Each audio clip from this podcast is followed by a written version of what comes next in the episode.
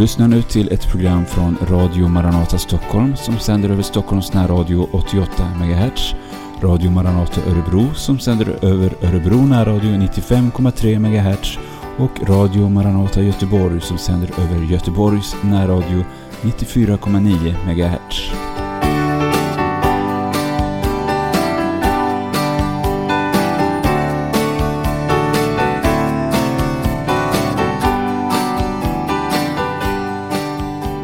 Den signaturmelodin hälsar vi dig då återigen varmt välkommen till ett program med Radio Maranata. Och vi sitter här nu, en grupp utspridda. Eh, vi har Paulus Eliasson, nyss hemkommen från Rumänien, som sitter i Norge.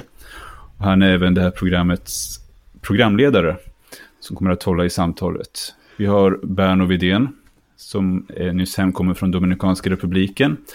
Likaså jag, Sebastian Vidén, också hemkommen från Dominikanska. Hans Lindelöf är med från Långshyttan och Pelle Lind från Örebro. Jag överlämnar ordet till Paulus Eliasson. Varsågod. Tack för det. Ja, vi ska eh, eh, tala den här eh, kvällen lite om eh, den situationen som vi befinner oss i, aktuella ting som har skett. Eh, och vi ska börja med att säga någonting om det som, Eh, som Sebastian nämnde här, nämligen att vi har kommit hem ifrån missionsfälten och det har varit lite dramatiska resor som har blivit gjorda både från Rumänien och Dominikanska republiken. Och kanske du Berno vill börja med att berätta hur det gick för er när ni skulle hem ifrån Dominikanska republiken. Ja, eh, vi höll på i två veckor att försöka ta oss hem.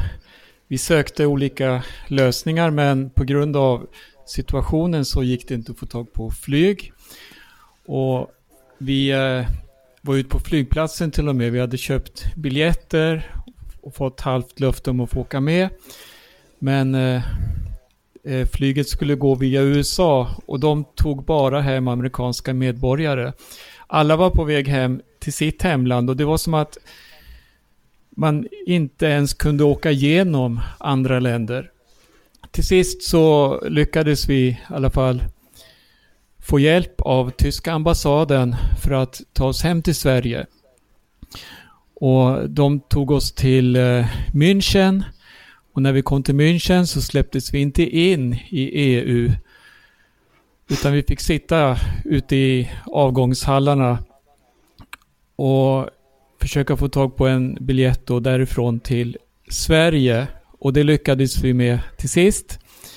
Via Finland och två timmar innan avresa så släpptes vi in då i EU för att kunna åka vidare till Finland och Sverige. Och det, var, det var en mycket omständig resa och man märkte på alla resesällskap som fanns då, alla som evakuerats. Man var på väg hem och det var oro. Men trösten fanns ändå i detta. Vi måste hem. Det var det, var det som var målet. Så det, det, var, det, var, det var verkligen eh, en omvälvande resa på många sätt. Ja. Vi ska komma tillbaka till det där, för du skrev en, eh, en bloggartikel angående just det där eh, med hemresan. Och vi ska komma tillbaka till det. Jag ska bara säga att vi, jag kom ju hem ifrån eh, Rumänien nu i fredags tillsammans med min fru Camilla. Så hade vi en ganska, ja, jag vet inte om den var dramatisk, men, men eh, man kände verkligen att saker och ting håller på att förändra sig. I Rumänien så kom man med nya påbud om eh, att eh, man inte får gå ut på gatorna. Det är fullständig, nästan fullständig karantän i hela landet och eh, därför så eh, upplevde vi till slut att vi, vi kan inte göra någonting här i Rumänien. Även om vi är här så har vi ingen möjlighet att hjälpa andra. Och därför så bokade vi flyg hem. Men eh, det, samma dag som vi skulle flyga så blev det första flyget det som skulle ta oss till huvudstaden i Rumänien, Bukarest, det blev inställt. Och vi blev tvungna att ta bilen och köra hela vägen dit, det är ganska många timmar, och komma till helt till andra sidan av landet. Och sen, sen så, eh, ja, det, det, det var en, en känsla det var av, av eh, panik och, och eh, liksom nästan upprörsstämning i landet för att eh, det var militärer och poliser ute i gatorna och det var väldigt svårt att ta sig fram. Man var tvungen att skriva en deklaration om vad man skulle. Och vi blev stoppade och förhörda om vart vi skulle och så. Så det var ganska dramatiskt. Men sen kom vi till Sverige och där verkar det som att, eh, på, i jämförelse i alla fall, så verkar det som att där hade det nästan inte hänt eh, någonting. Det var, det var väldigt lite Eh, förändringar i jämförelse med vad som skedde i Rumänien. Och jag får fråga Hans och Pelle, kanske fråga Hans här först. Eh, om du har upplevt någonting speciellt under den sista veckan med tanke på hur saker och ting har förändrat sig? Vi följer naturligtvis med oro händelseutvecklingen följer eh, hur, hur många, så att säga, antal, antalet smittade, hur det ökar från dag till dag och antalet som också helt enkelt dör av det här coronaviruset. Och försöker ju hänga med och det, det kommer ju eh, vissa, vissa förändringar det, det har gått nu här i Sverige från att man förbjöd sammankomster med mer än 500 personer till att man har inskränkt det till ytterligare till en tiondel av det och nu är sammankomster på över 50 personer inte tillåtna. Eh, men mm. det slaget av, vad säger man, det här som ni har upplevt närmar sig ju lockdown säger man på engelska, vad kallas det på svenska? Det, det, det har vi ju inte i Sverige och det har ju också Sverige liksom blivit både kritiserat för men även eh, ibland berömt. Vårt, vår, vår strategi, vår taktik är eh, här att möta den här eh, situationen alltså är ju lite annorlunda tydligen än andra länder. Mm. Och du Pelle Lind, hur eh, har du upplevt någonting den sista veckan av eh, förändringar i attityd eller i, i praktiska åtgärder som har tagits? Eh, ja, man hör ju på nyheterna varje dag så är det ju nya tankar och så. Och jag hörde senast idag så, så från UDs då håll då så, så sa de att man får alltså in 1500 samtal varje dag från svenskar runt om i världen som på olika sätt vill ha hjälp och behöver hjälp för att ta sig hem. Eh, svenska UD har ju blivit ganska starkt kritiserat att man inte hjälper svenska medborgare som i andra länder har gjort då. Till exempel Tyskland då. Och eh, eh, det är ett problem för många människor och, och det, från början så var det ganska kaosartat men sen har det varit en liten svacka men nu verkar det som att det igen ökar. Vi har sett en ökning av dödsfallen igen i Italien efter en svacka och det liksom verkar som att det tar lite ny fart. Så visst att oron, oron ökar. Mm. Ska, vi ska tillbaka till det här med just med tanke på att vi har eh, två olika missionsfält representerade här. Jag skulle vilja fråga dig Sebastian, för att eh, eh hur, hur det, det, är ju, jag upplever det själv när jag kommer hem ifrån Rumänien att man, man skulle på ett sätt helst ha velat vara där och på, på ett annat sätt så känner man att det är bra att ha kommit hem. Har du några tankar inför det här med eh, hur det känns att behöva lämna missionsfältet där man liksom har sitt hjärta? Det känns ju... Eh, känslomässigt så känns det ju inte så bra, verkligen. Det, man skulle gärna vilja vara, vara där, man vill hjälpa, man vill... Eh, men sen eh, får man tänka rent ja, rationellt. Vad kan man göra om man är där? Det, just I dagsläget i alla fall var det inte mycket vi kunde göra. Eh, I Dominikanska republiken så blev ja, reglerna hårdare och hårdare nästan dag för dag. När vi reste därifrån så hade de infört utgångsförbud mellan åtta på kvällen och sex på morgonen. Och dagen efter att vi hade rest så vet jag att då hade de utökat det där eh, några timmar till på eftermiddagen.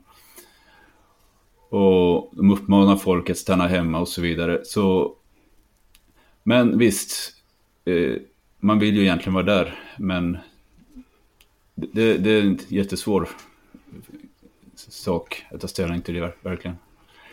Ja.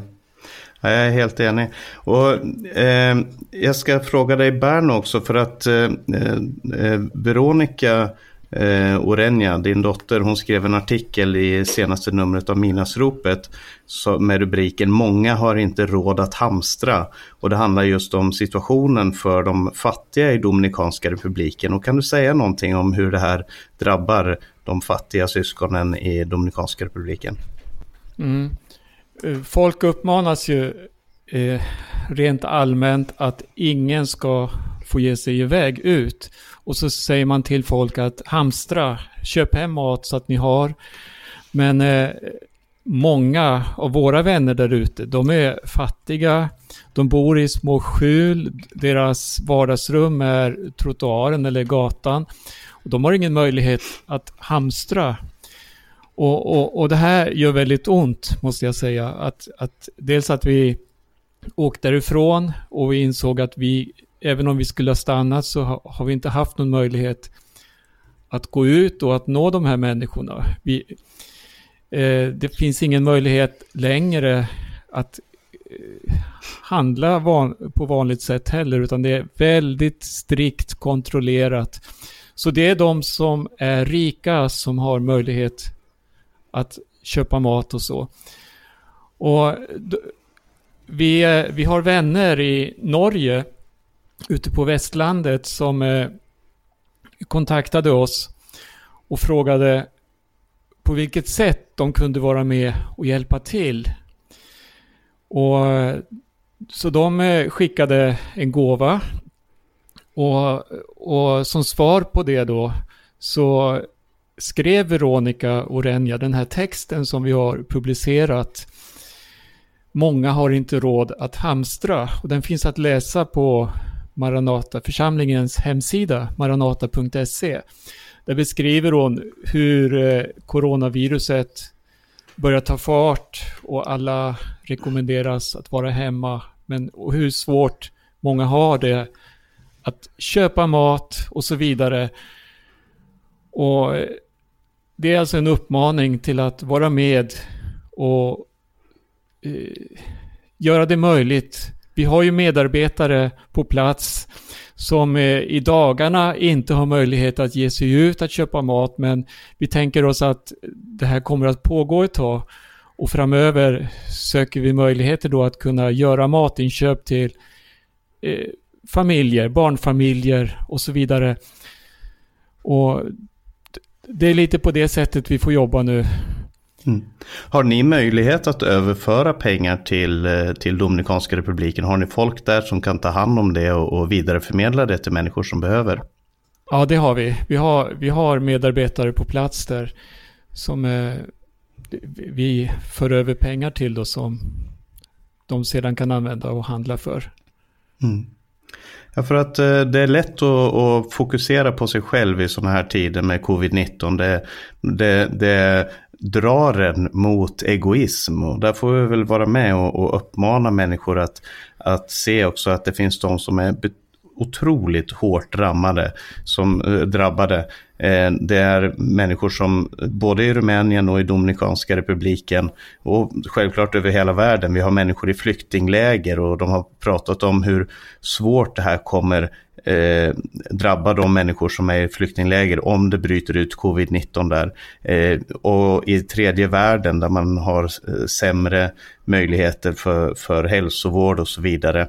Eh, men vill, om du vill vara med, säg det till dig som är lyssnare, om du vill vara med och hjälpa till i arbetet för missionen som du hörde om de här norska syskonen, så har församlingen, eh, Maranataförsamlingen, har ett plusgiro eh, 44 10 05 6 44 10 05 6 och jag tror vi ska upprepa det mot slutet av programmet också.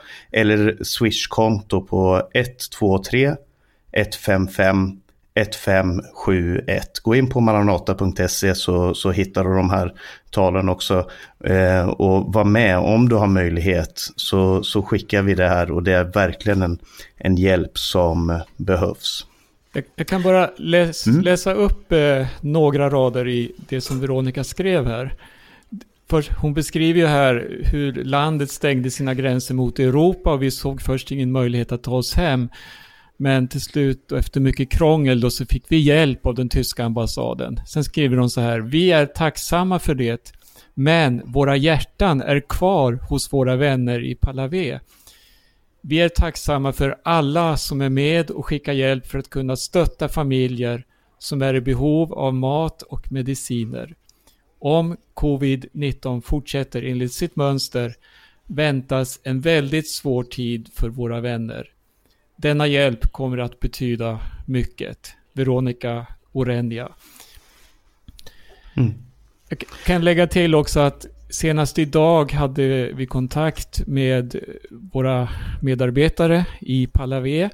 de berättar att det finns grannar som eh, har drabbats, som är smittade av coronaviruset. Och eh, det väldigt oroligt i Batejen där. Mm. Ja, det är verkligen angeläget det här och, och jag får säga för min egen del igen att det, det kändes så svårt att lämna arbetet i, i Rumänien. Speciellt med tanke på den tid som våra syskon går i, i möte där. Och, men var med i framför allt i förbön. Be för den här situationen, be för syskonen. Om Gud lägger det på ditt hjärta så var med i det. Och sen också med, om du har möjlighet att ge en gåva så, så ska vi förmedla det. Vi ska gå över till, eh, eh, det, det, är några saker som vi ska tala om här, här ikväll vidare också. Och eh, en av de sakerna är eh, någonting som har kommit från Vatikanstaten. Det är nämligen så att påven Eh, han har sagt att eh, eftersom man nu inte, man rekommenderas att inte gå till eh, kyrkan och man rekommenderas att inte samlas och heller inte gå för syndabekännelse eh, så har påven nu gått ut och sagt att om i en sån här kristid där man inte kan möta någon präst och få, få sin syndabekännelse så kan man bekänna sina synder direkt till Gud istället för till en präst. Och han har, han har också sagt att eh, när det gäller den sista smörjelsen som ju är ett annat av den katolska kyrkans sakrament så, så har de gett en slags eh, universell sista smörjelse till de som ber eh, rosenkransen och vissa ting då. Och det här är ju, för oss som evangeliska så är ju det här väldigt främmande. Och jag får fråga dig Hans först. Ehm, kan du ge dina tankar om vad Bibeln säger om just syndabekännelse, hur man blir renad ifrån sina synder? Är det genom en genom att gå till en präst? Är det genom att eh, eh, läsa sina rosenkranser eller är det på ett annat sätt? Eh, det, det, det har att göra med att möta Jesus Kristus. När vi möter Jesus Kristus, Eh, och det kan vi ju göra naturligtvis eh, genom eh, en människa som vittnar om Jesus, eller vi kan läsa ett bibelord, eller Gud kan ju tala på olika sätt. Men när vi får höra evangelium, då, då innebär det ett möte med Jesus Kristus. Får vi möta Jesus Kristus, då får vi möta honom som har lidit och dött för inte bara min synd om vi säger så, eller någon annans, utan för hela världens synd. Och det är ett pris som han har betalat för att vi ska kunna ta till oss just det här, syndaförlåtelsen. Det hör samman med honom, omöjligt att möta Jesus på allvar utan att erfara detta. Och så får jag fråga dig Pelle också. Jag tänker att du har en eh, kommentar om det här. Har, har påven eller präster, eh, prästerna mandat att förlåta människors synder? Nej, det har de inte. Det är endast Jesus Kristus som kan förlåta vår synd. Och jag tänkte på ett bibelord som står i första Johannes brev. Så står det så här. Eh, om vi bekänner våra synder så är han trofast och rättfärdig. Så att han förlåter oss våra synder och renar oss från all orättfärdighet. Om vi säger att vi inte har syndat så gör vi honom till en ljugare och hans ord är icke i oss. Det här framgår klart och tydligt att det är han som kan rena oss ifrån all orättfärdighet och det är han som kan förlåta våra synder och ingen annan. Mm.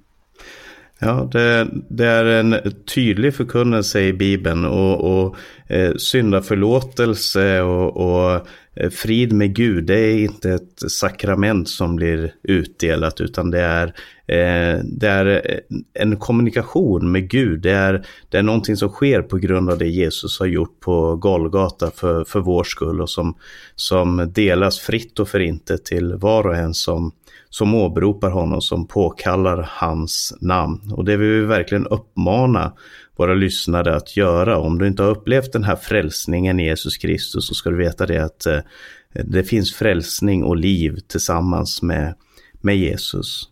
Amen.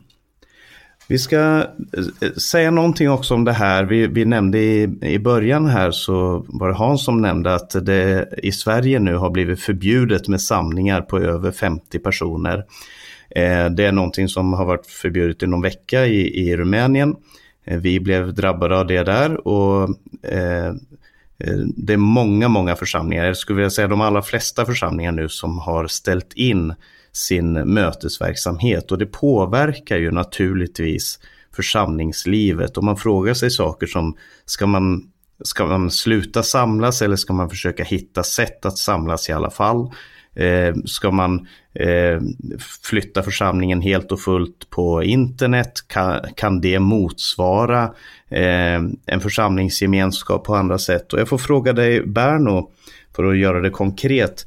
Vad menar du, kan, kan församlingen existera bara på internet? Eh, kan, kan man ha en interaktiv församling eller hur ska man göra i en sån här situation som församling?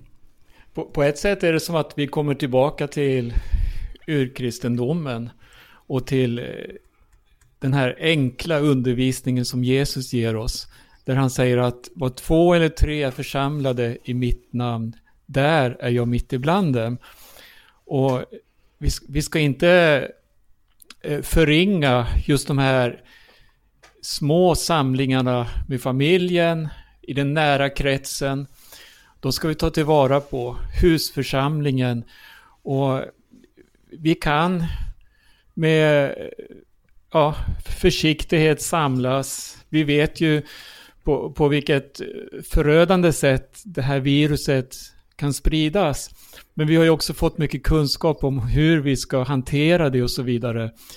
Och nu finns det ett påbud att vi får inte samla så många människor, men vi kan komma tillsammans i små grupper och veta att Jesus, han är mitt ibland oss. Och självklart har vi också idag eh, möjligheten att använda tekniken att nå ut via internet.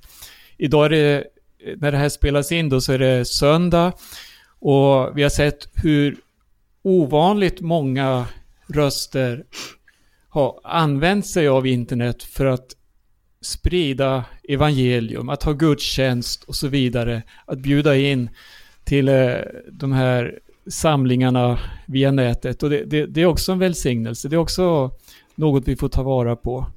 Ja.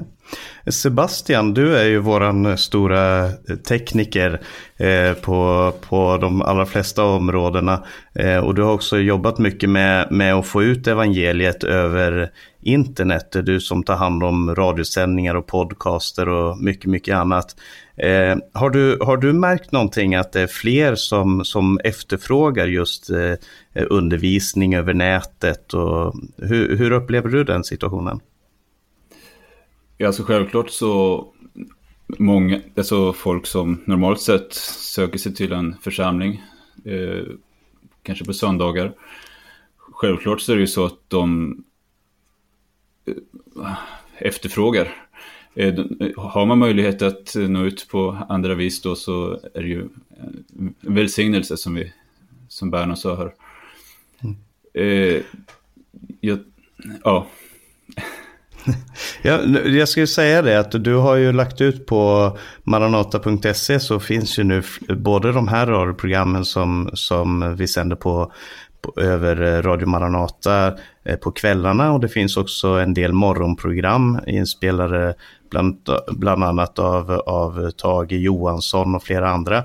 Eh, så gå gärna in på maranata.se eller använd din podcast-app för att, för att lyssna på undervisning. Det är en, en hjälp och en tröst. Jag har upplevt det själv när man, har, när man är isolerad ifrån syskonen så är det en väldig hjälp och tröst att, att kunna säga någonting om, om eh, eh att kunna ta del av undervisningen på det här sättet. Jag tror att vi ska lyssna till en sång innan vi går vidare här. Du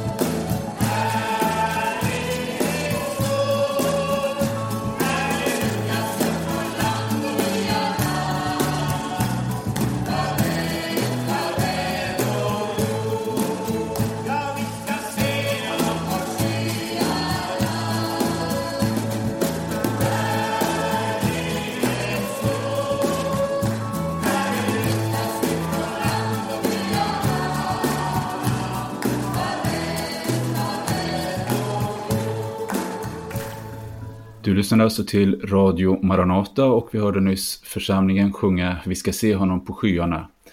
Vi överlämnar här till Paulus Eliasson som är programledare. Varsågod. Tack för det och det var Sebastian Widén som du hörde där och vi eh, sitter inte i studio tillsammans men över nätet så, så har vi med oss här också Pelle Lind, Berno Widén och Hans Lindelöv. Eh, och vi talade innan pausen här om det här faktumet att det är förbjudet med samlingar över 50 personer i Sverige nu. Eh, som det också är i väldigt många andra länder och hur coronakrisen påverkar församlingslivet. I Rumänien så blev vi förbjudna att ha möten för någon vecka sedan. Och eh, de sista två veckorna så har jag själv strävat med, kämpat med att försöka ha predikningar på rumänska över internet. Eh, Eh, hur bra den saken har gått det får andra vara bedömare av. Men eh, eh, det är i alla fall ett sätt att hålla kontakt med syskonen där. Och jag såg också, har också sett syskon i Rumänien som har lagt ut videor på Facebook när de läser Bibeln, när de eh, sjunger en sång, en två, tre stycken och, och eh, när de berättar om Gud för varandra. Och det, det, är uppmuntrande att se att man kan eh, fungera i nödstider på det sättet också. Men det är naturligtvis inte det vi önskar. Eh, det är inte det vi eh, kämpar för och, och strävar emot. Vi vill ha gemenskap med varandra. Men det här som Berno sa också så kan det vara en väckarklocka till och en, en maning att söka sig in i Eh, just familjeförsamlingslivet, husförsamlingen, den lokala gruppen och att man söker sig närmare där, där två eller tre eh, kommer tillsammans, kommer överens om att be om någonting. Där är Gud eh, mitt ibland dem. Och vi ska tala någonting om det här att covid-19 har blivit en verklig väckarklocka på många sätt. Eh, döden är mer Eh, i medvetandet hos gemene man. Och jag får fråga dig Hans, eh, det här med att människor tänker på, på slutet, det här med att människor tänker på änden. Hur förändrar det en människa och gör det att man blir mer öppen för evangeliet? Jag tänker människor på änden? Jag vet inte om det alla gånger är så. Men eh, vi kan ju eh, faktiskt eh, konstatera det att eh, skulle, skulle jag nu bli smittad av covid-19 idag då är det inte osannolikt att jag lever i fyra veckor till. Och det här är alltså vad människor är med om idag. Och det är ju inte alla ändå trots allt som har närkontakt med just den situationen. Men det har ju en hel del läkare till exempel och även läkare drabbas.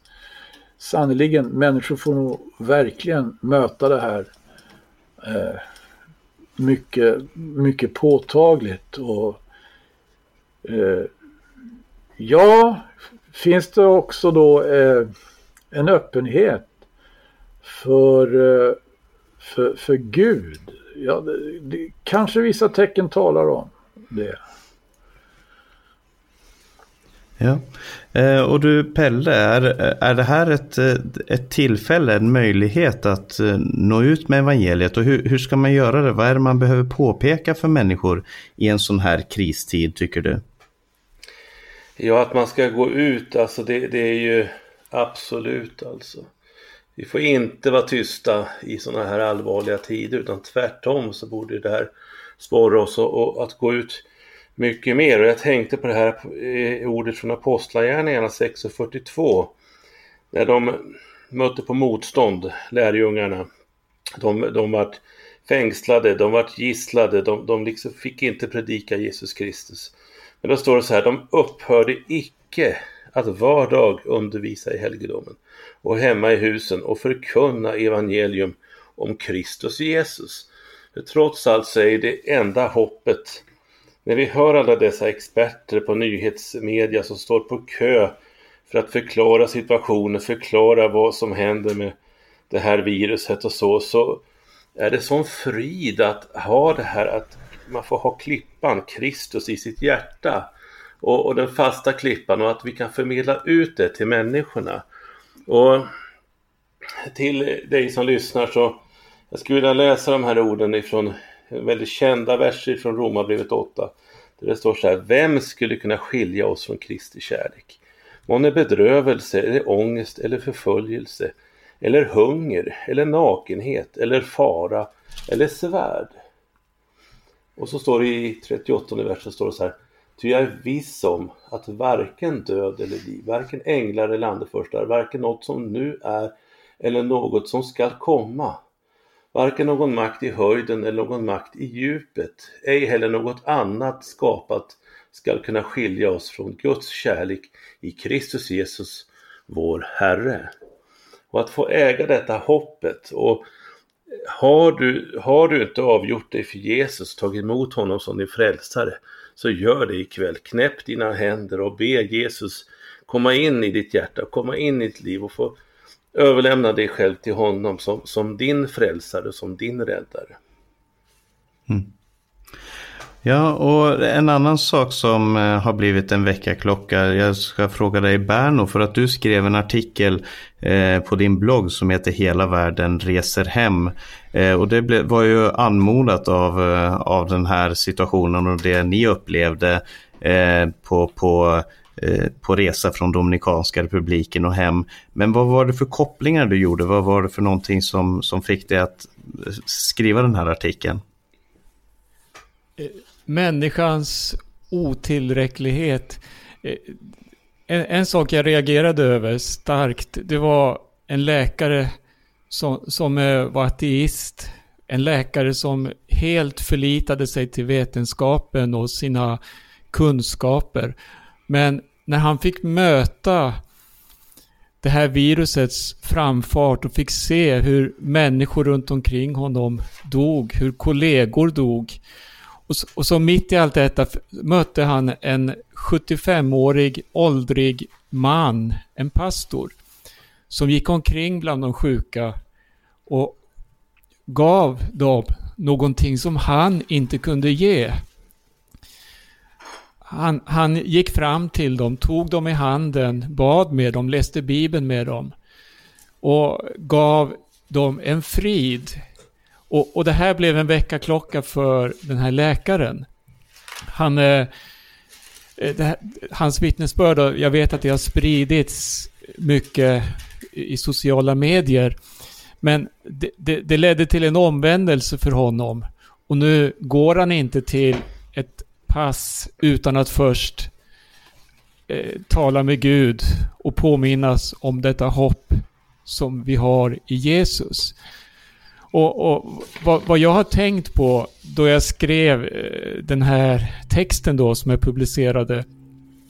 Det var just eh, den här nödbromsen som har skapat panik och eh, människor söker åka hem till sitt hemland och många har inte ens ett hemland att åka till. Vi ser alltså en situation i världen som är helt fruktansvärd, speciellt jag tänker på flyktinglägren och så vidare. De här människorna som lever i misär, trångbodda, i smutsiga miljöer.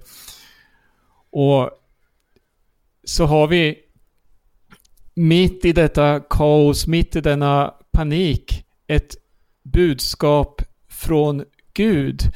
Och jag har frågat mig själv, men gode Gud, hur ska vi göra? Eh, hur ska vi nå fram? Och då fick jag det här till mig, men alla vänder hem. Och Bibeln säger just det här att Gud, han har utstakat gränser för människan. Och de här gränserna kan vi se på många olika sätt begränsningar inom eh, vår kunskap, inom vår makt och så vidare. Någon dag så raseras allt. Och det här är ett budskap som också går tvärs emot dagens globaliserade samhällen. Där vi rört oss fritt i många av världens länder. Idag går det inte längre.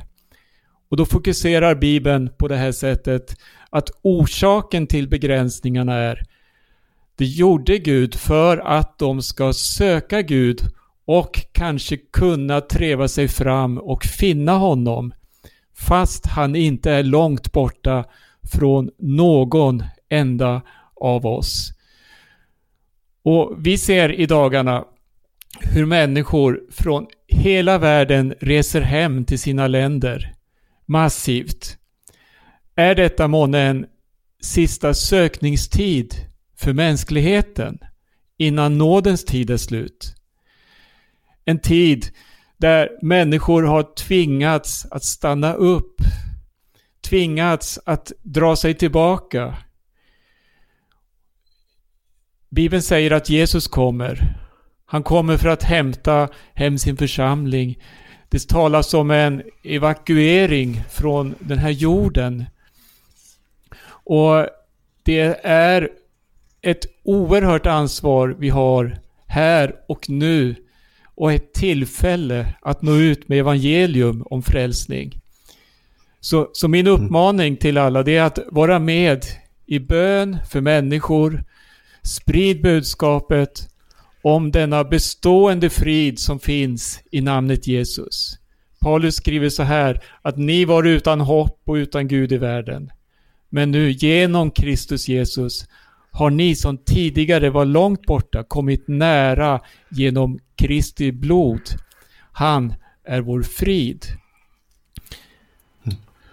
Berno, eh, det här är ju någonting av det som Jesaja profeterar om. Någonting. Jesaja säger på det här viset i Jesajas boks trettonde kapitel. Jag läser från vers 14. Och lika som jagade gaseller och en jord som ingen samlar. Vända det då hem, var och en till sitt folk och fly, var och en till sitt land. Mm. Jag tror ja. så här att vi ska inte stressa iväg, hoppas att allt ska återgå till det normala, tänka på våra konferenser, våra stora möten, utan det, det, det, finns ett budskap i Bibeln om att dra sig tillbaka. Att, att eh, söka Gud på ett nytt sätt. Att stanna upp och höra vad vill Gud? Och så vet vi att Gud, han har all kontroll, han har all makt i himmel och på jord. Och Gud, han vet vad som äger rum och han känner varje människas eh, hjärta, han hör varje människas rop.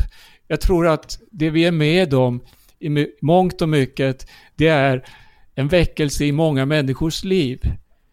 Människor som söker Gud. Och här får vi bedja att vi får vara med och lotsa och leda människor eh, så att de får möta Jesus. Många vet inte ens om att Jesus finns, de har aldrig hört det namnet. Men ändå ropar de. På samma sätt som människorna ropade i Sodom. Gud, han steg ned för att han hade hört människornas rop. Och på det sättet tror jag att vi har en sökningstid, en kort sökningstid.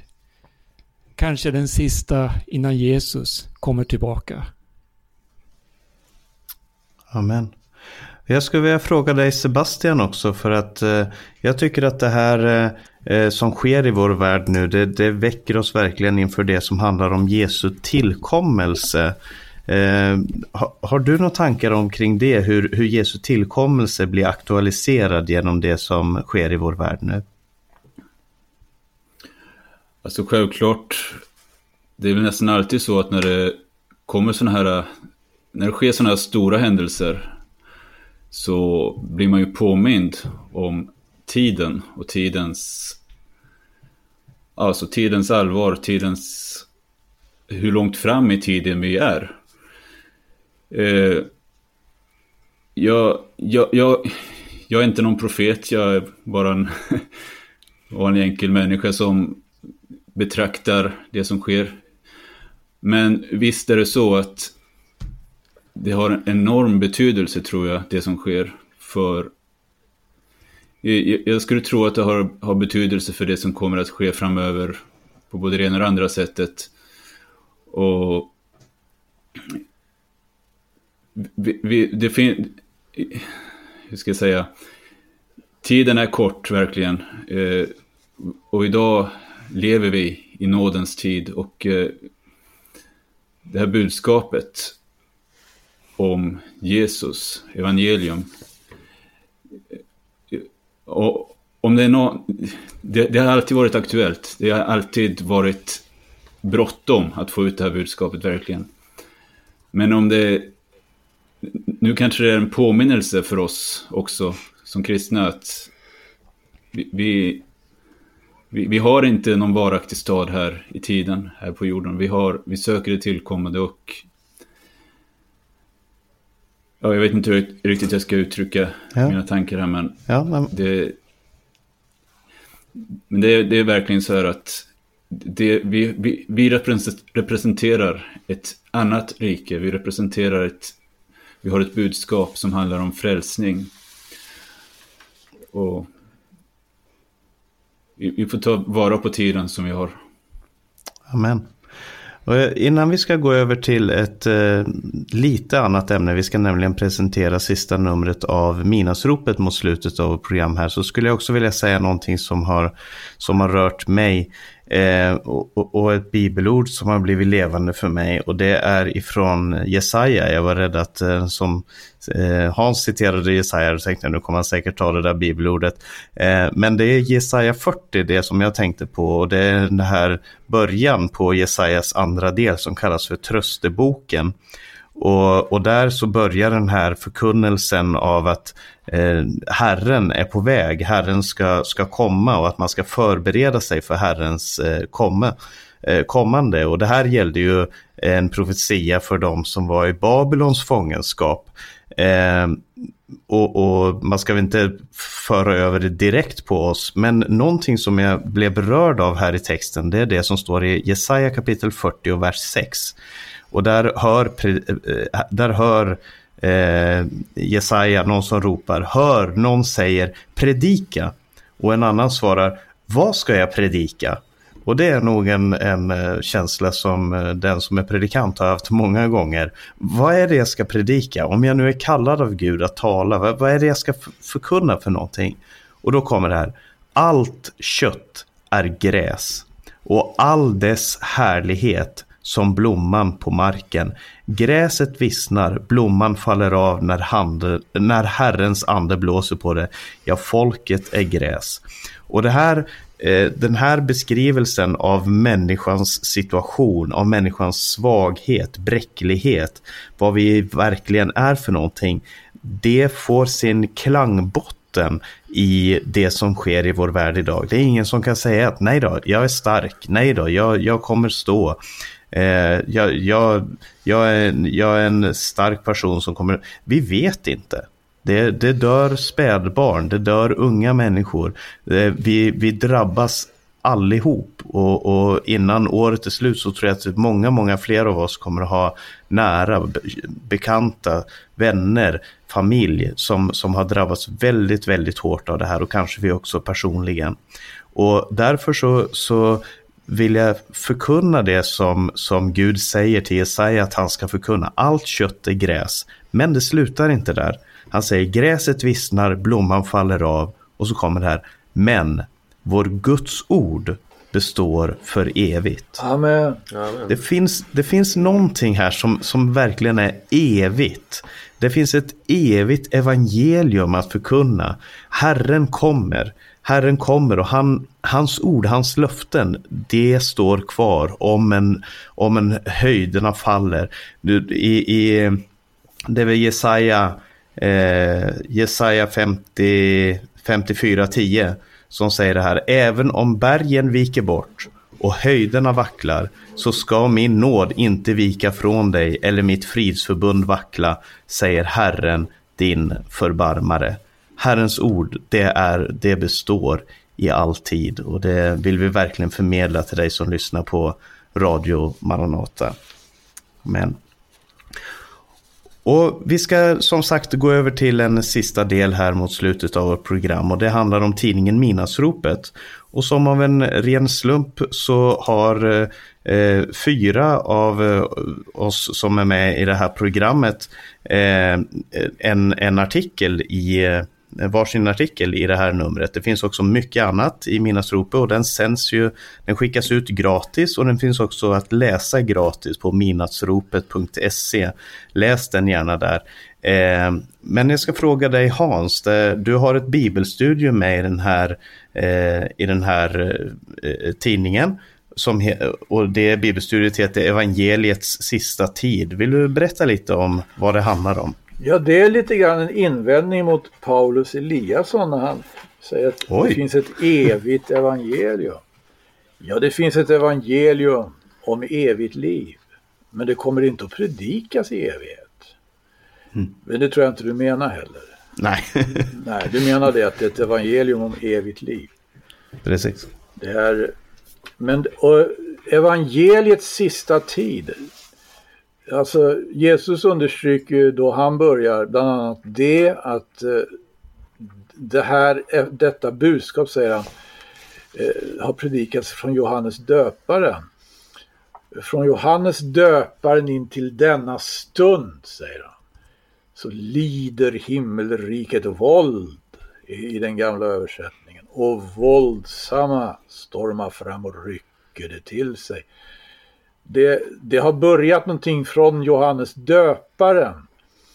Eh, men eh, när han talar om ändens tid då, då har man en känsla, och jag har det, han talar om eh, saker och ting som kommer liksom att markera evangeliets sista tid.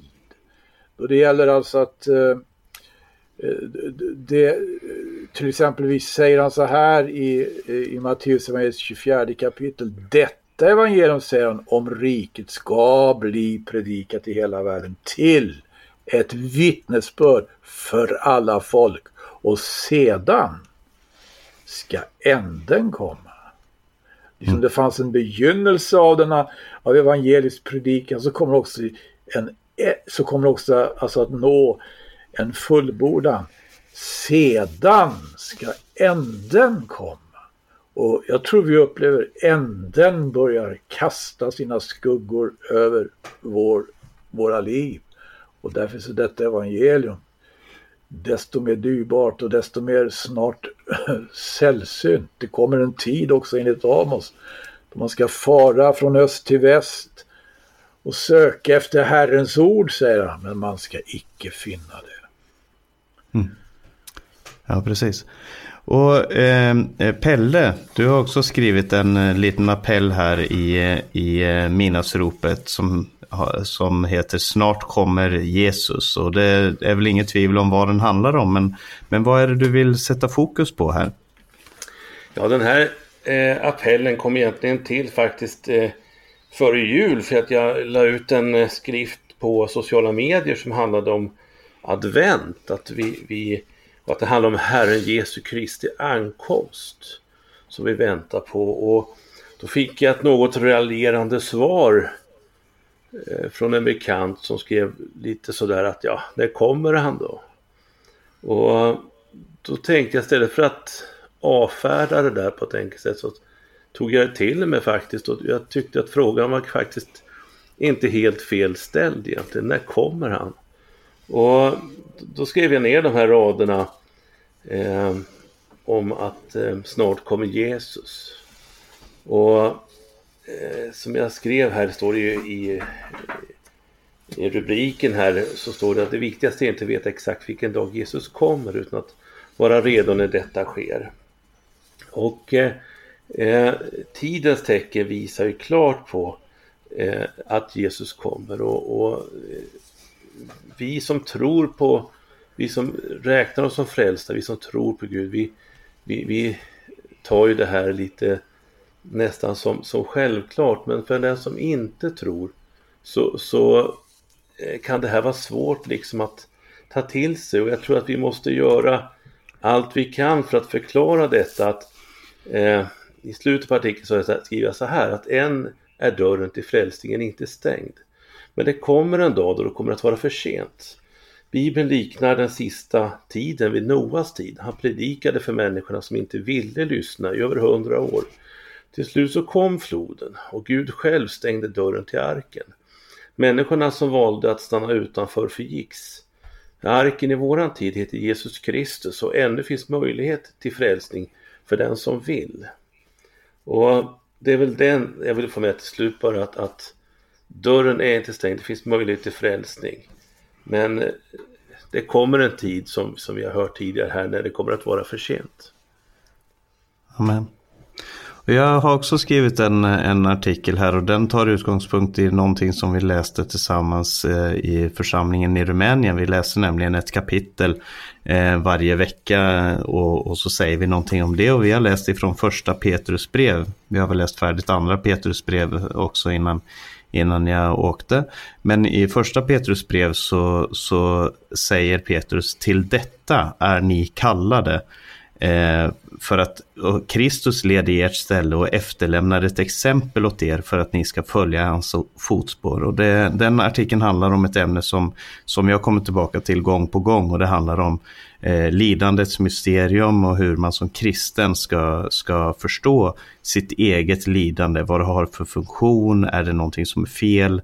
Eh, och för att finna frid i, i sitt eget eh, lidande handlar den artikeln om. Och så till slut så vill jag fråga dig Berno, du har ju skrivit ledarartikeln Världen står i brand, Jesus kommer. Och det är någonting som vi har talat om i det, i det här, eh, i det här programmet. Men du kanske vill ge oss en, en appell här till slut också. Mm, jo, jag kan säga att eh, hela tillkomsten av det här numret, det har varit eh, med mycket vånda på ett sätt när man ser allt som händer och, och just ledartexten, eh, den tog väldigt lång tid att skriva, eller jag förmådde inte att skriva den.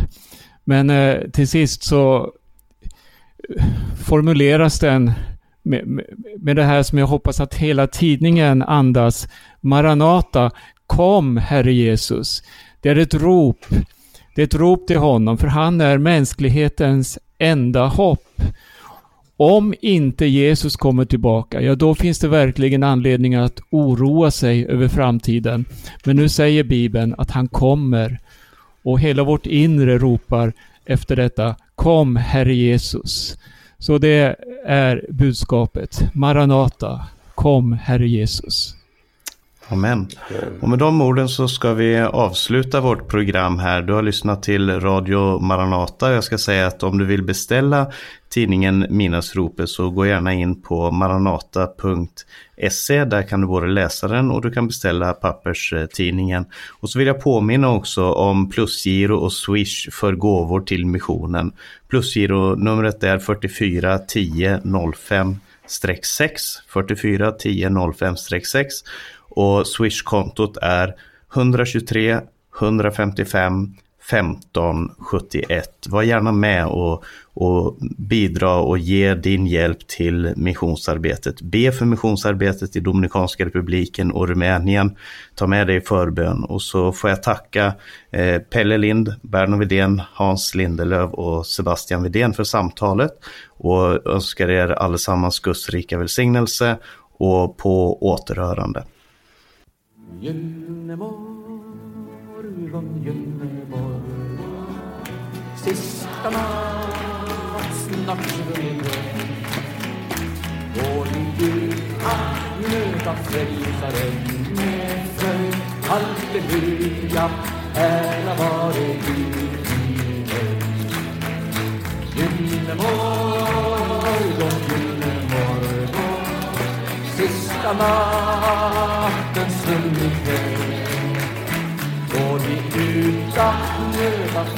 frälsaren med fröjd Halleluja, ära vare Gud i höjd I den gyllene morgon inför tronen där. Det av glädje stråla vilka greto här. Ty det första är förgången anden fri. Jordisk sorg och möda evig är förbi. Morgon, gyllene morgon, sista nattens sunnighet går vi ut att möta frälsaren med fröjd. Halleluja, ära vare Gud Radio Maranata Stockholm och Radio Maranata Örebro sänder över respektive stads närradio. 88 MHz för Stockholm och 95,3 för Örebro. Och våra sändningstider är varje morgon klockan 8, måndag och onsdag kväll klockan 18. Radio Maranata Göteborg sänder över Göteborgs närradio 94,9 MHz och våra sändningstider är varje tisdag kväll klockan 21 med repris lördag klockan 15. Vill du ha mer information eller vill ha kontakt med oss är du varmt välkommen att besöka vår hemsida på www.maranata.se. Du kan även mejla oss på info maranata.se. Med de orden önskar jag dig Guds rika välsignelse och på återhörande snart igen i Radio Maranata.